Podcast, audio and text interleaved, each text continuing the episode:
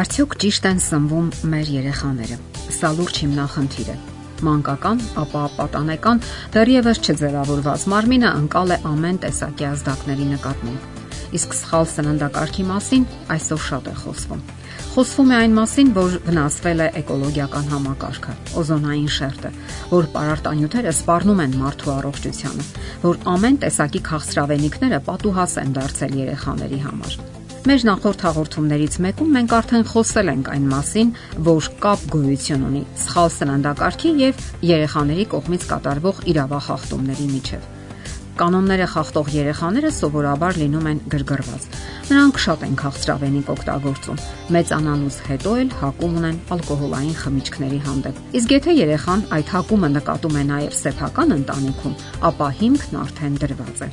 մանկական սննդի բնագավառի մասնագետ դոկտոր Լոնդոն Սմիթը համոզիչ գրում է. Եթե դպրոցի ղեկավարությունը ցանկանում է կարգապահություն հաստատել եւ ազատագրվել դասարաններում կատարվող բարբարոսությունից, նա պետք է հոգա այն մասին, որ երեխաները քաղցրավենիք չուտեն, ինչպես նաեւ բարձր կալորիականություն ունեցող եւ պակաս սննդարար սննդամթերքներ չօգտագործեն միջանցներում եւ բուֆետներում։ Դրանից բացի նա պետք է ջանքեր թափի, որ բոլոր հրուշակեղենի խանութները լինեն դպրոցից 3 կիլոմետր տարածության վրա։ Իսկ ո՞րն է ճիշտ սնունդը։ Անդեղ են ամեն տեսակի ինկույզներ, բանջարեղեն, մրգեր, հատիկեղեն, լոբազգիներ, նաև թեթև նախաճաշիկ սպիտակուցի բարձր պարունակությամբ։ Վստահ եղեք, որ այդպիսի առողջ ծնունդը կօգնի երեխաներին ազատագրվելու իրենց մասին ունեցած ցածր կարծիքից, դեպրեսիայից, գլխացավերից, որովայնի ցավերից, դեմքի ցանից, ալերգիայից եւ բարձր գրգռվածությունից։ Պարզ փաստ է, որ խաղաղ ու հանգիստ երեխան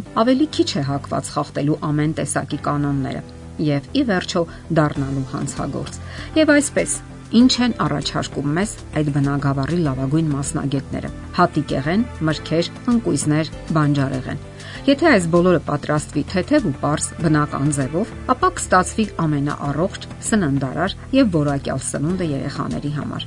Պարզապես հիմնախնդիրն այն է, որ մարդկանց մեծամասնության նախասիրություններն ու ճաշակը այնքան են աղավաղվել ու խեղաթյուրվել, որ նրանք այլևս չեն կարող հուսալի ուղեցույց ծառայել։ Նրանք իրենք լուրջ հիմնախնդիրներ ունեն առողջության հետ կապված Մարդկությունն այսօր սննդի հիմնախնդիր ունի, որից ցավոք տուժում են նրանք, ովքեր առավել քիչ են արժանի դրան։ Մեր երեխաները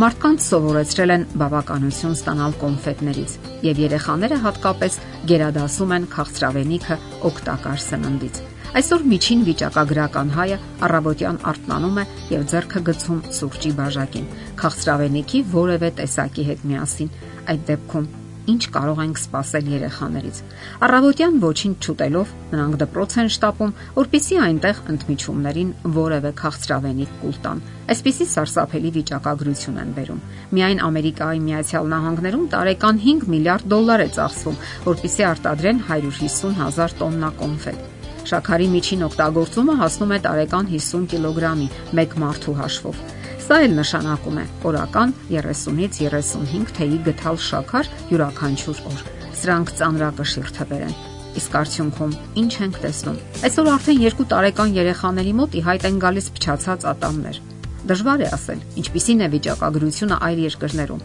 սակայն ակնհայտ է, որ գազավորված ըմպելիքներն արդեն խիստ մեծ հրճակ են վայելում։ Դրանք եկել են փոխարինելու սառնորակ ջրին, մրգահյութերին, Այսօր միջին դեռահասը տարեկան խմում է մոտ 500 շիշ գազավորված ըմպելիք՝ կոլա, ֆանտա, սպրայթ, սիրոպներ եւ այլն։ Ոչ ալկոհոլային, առաջ շաքար պարունակող այդ ըմպելիքները փչացնում են ատամները, քանի որ թթուները քայքայում են ատամի էմալը, իսկ ավելորդ կալորիաները նպաստում են երեխաների ճարպակալմանը։ Միանշանակ արցանագրենք։ Այս ըմպելիքները ոչ միայն օգտակար չեն, այլ նաև շատ վնասակար են օրգանիզմի համար։ Հատկապես ապացուցված է կոլաների վտանգավոր ազդեցությունը օրգանիզմի բոլոր օրգան համակարգերի վրա։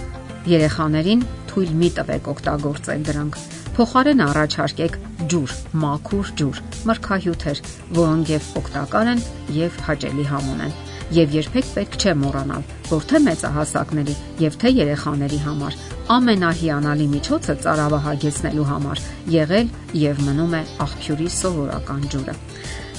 Այն պետք է խմել առավոտյան, երբ դեռ ոչինչ չեք կերել, որpիսի այն մաքրի մարմինը նախորդ օրվա մնացորդներից։ այն պետք է խմել սնվելու միջև ընկած ընդմիջումներին, բայց ոչ ուտելուց անմիջապես հետո։